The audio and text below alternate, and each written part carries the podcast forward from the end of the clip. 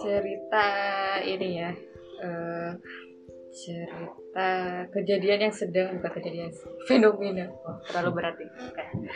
tentang ya sih boleh disebut fenomena yang sedang berada di masyarakat di sekitar kita.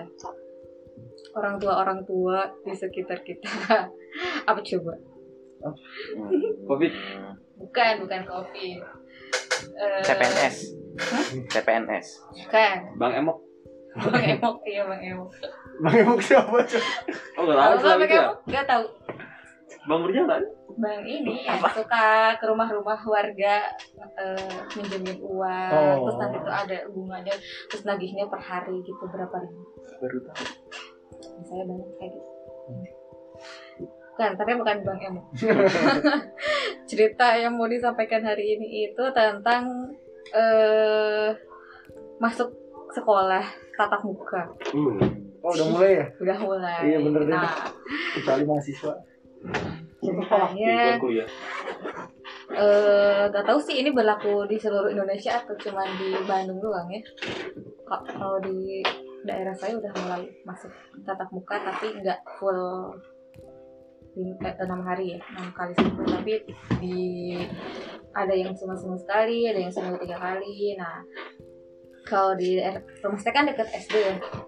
Deket SD terus eh, tahu lah adik saya juga masih SD jadi sekolahnya seminggu tiga kali dan wajib pakai seragam. Nah masalahnya adalah itu tuh eh, pas keputusan sekolah tatap muka tuh rada mendadak rada mendadak gitu. Heeh.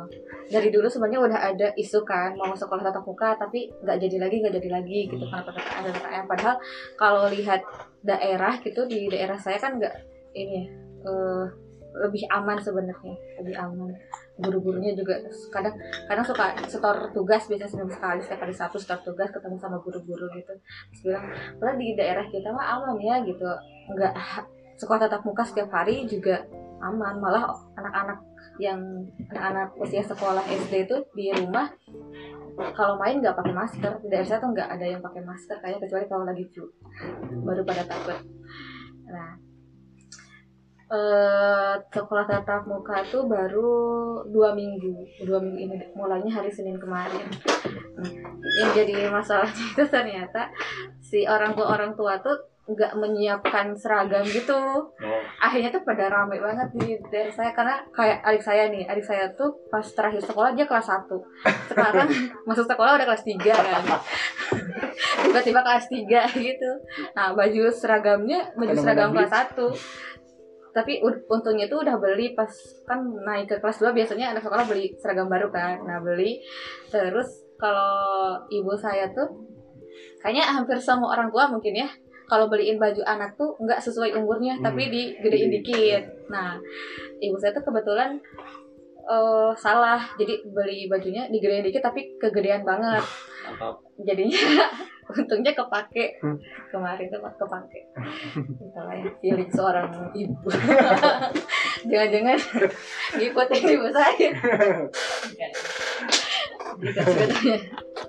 Nah, adik saya terselamatkan lah. Ada baju bajunya baru, terus cukup juga. Nah, ternyata kalau tetangga-tetangga yang lain tuh udah pada nggak punya baju, nggak punya seragam, terus Dua tahun. eh besoknya besok ini misalnya hari Senin kan hari Senin masuk hari Minggunya tuh orang tua tuh pada keliling rumah gitu bukannya beli ya kalau yang punya uang sih langsung beli. Cuman kan nggak terduga ya jadi mungkin uangnya tuh udah dianggarkan untuk yang lain. Jadi nggak ada anggaran untuk beli seragam sekolah. Nah akhirnya tuh ada yang minta gitu kan ada ini nggak seragam yang nggak kepake? Yang udah udah nggak kepake gitu cukup buat di anak siapa gitu terus akhirnya pada dibagiin lah si seragam-seragam yang udah kekecilan tuh. Saling berbagi lah di daerah saya tuh.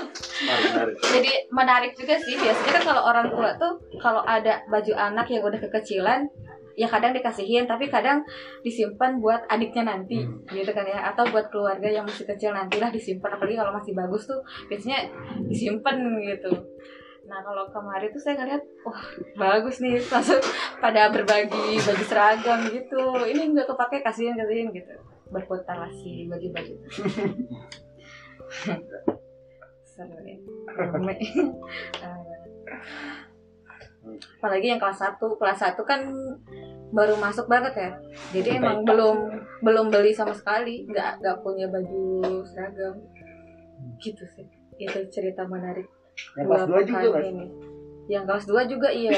Kelas satunya iya sepupu saya tuh ada yang sekarang kelas 2 dulu kelas satunya sekolah cuma beberapa hari terus langsung libur gitu. Jadi dia belum kenal sama teman-temannya. Itu sih yang menarik di kejadian dua pekan ini. Terus ngeliat siap pagi tuh kalau berangkat kerja ngeliat orang tua orang tua pada nganterin anaknya tapi malah makin ramai sih orang tua yang masih punya anak kecil anak kecilnya dibawa ke sekolah. Terus gak pakai masker. Kalau di daerah saya sih gak pakai masker kayaknya nggak apa-apa. Aman-aman aja Iya, juga. tapi di saya belum vaksin. Oh nah iya. Terus ada kejadian lagi yang menarik di pekan-pekan ini tuh tentang vaksin. Eh kalau di kita kan udah biasa ya vaksin. Kalau di daerah satu pada nggak mau orang-orang tuh. Apalagi kalau yang ibu rumah tangga gitu atau ya nggak nggak terlalu banyak jalan keluar ke kota gitu. Pada nggak mau divaksin. Eh, udah dibilangin sama pengurus gitu RT RW tuh di ini kan dihimbau untuk ayo vaksin di puskesmas mumpung gratis. Tapi nggak mau. Sampai akhirnya kan di daerah situ ada pabrik kue. Kan udah sering cerita ya ada pabrik kue yang mempekerjakan karyawan tuh musiman. Jadi setiap mau lebaran empat bulan sebelum lebaran lah banyak warga di sana yang kerja di pabrik itu. Nah syarat masuk ke pabrik itu sekarang harus vaksin.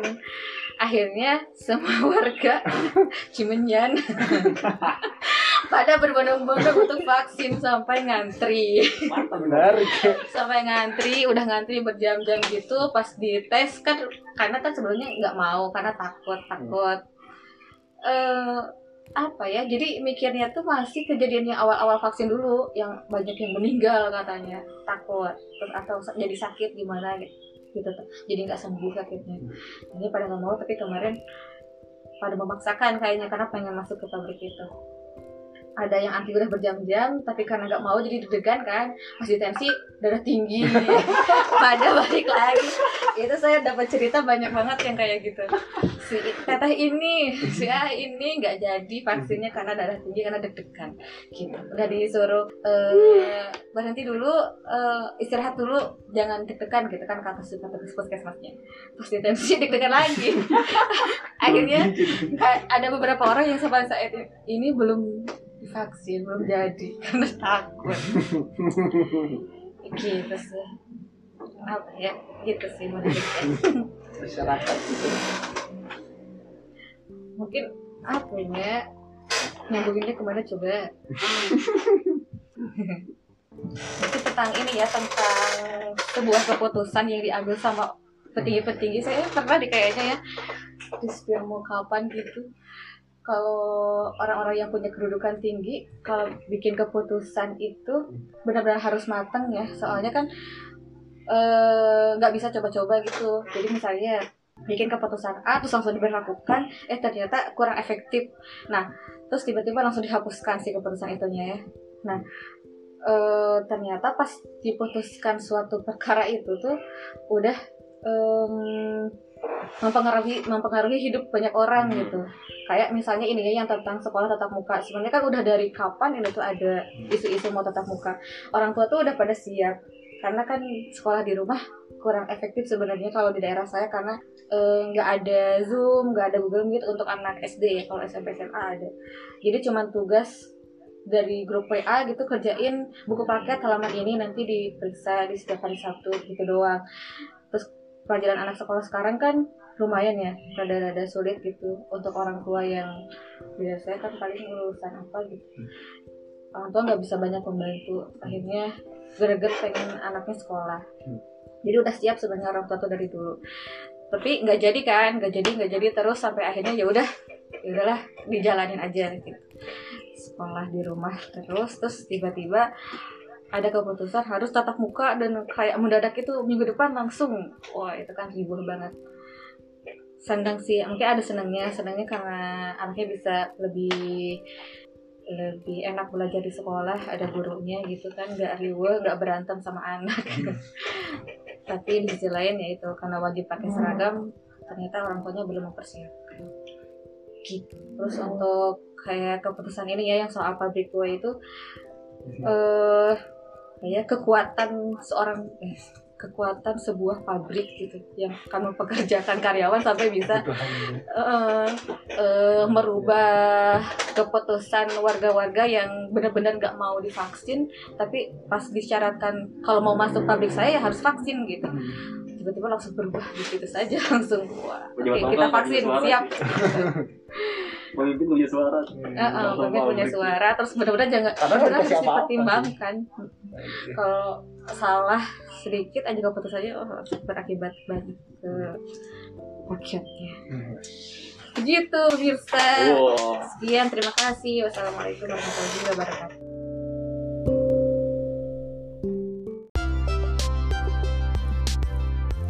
Jangan lupa untuk selalu lihat pagi-pagi sekitar jam 6 sampai jam 7 bakal ada postingan terbaru di Spotify Pojok Gedung Kai.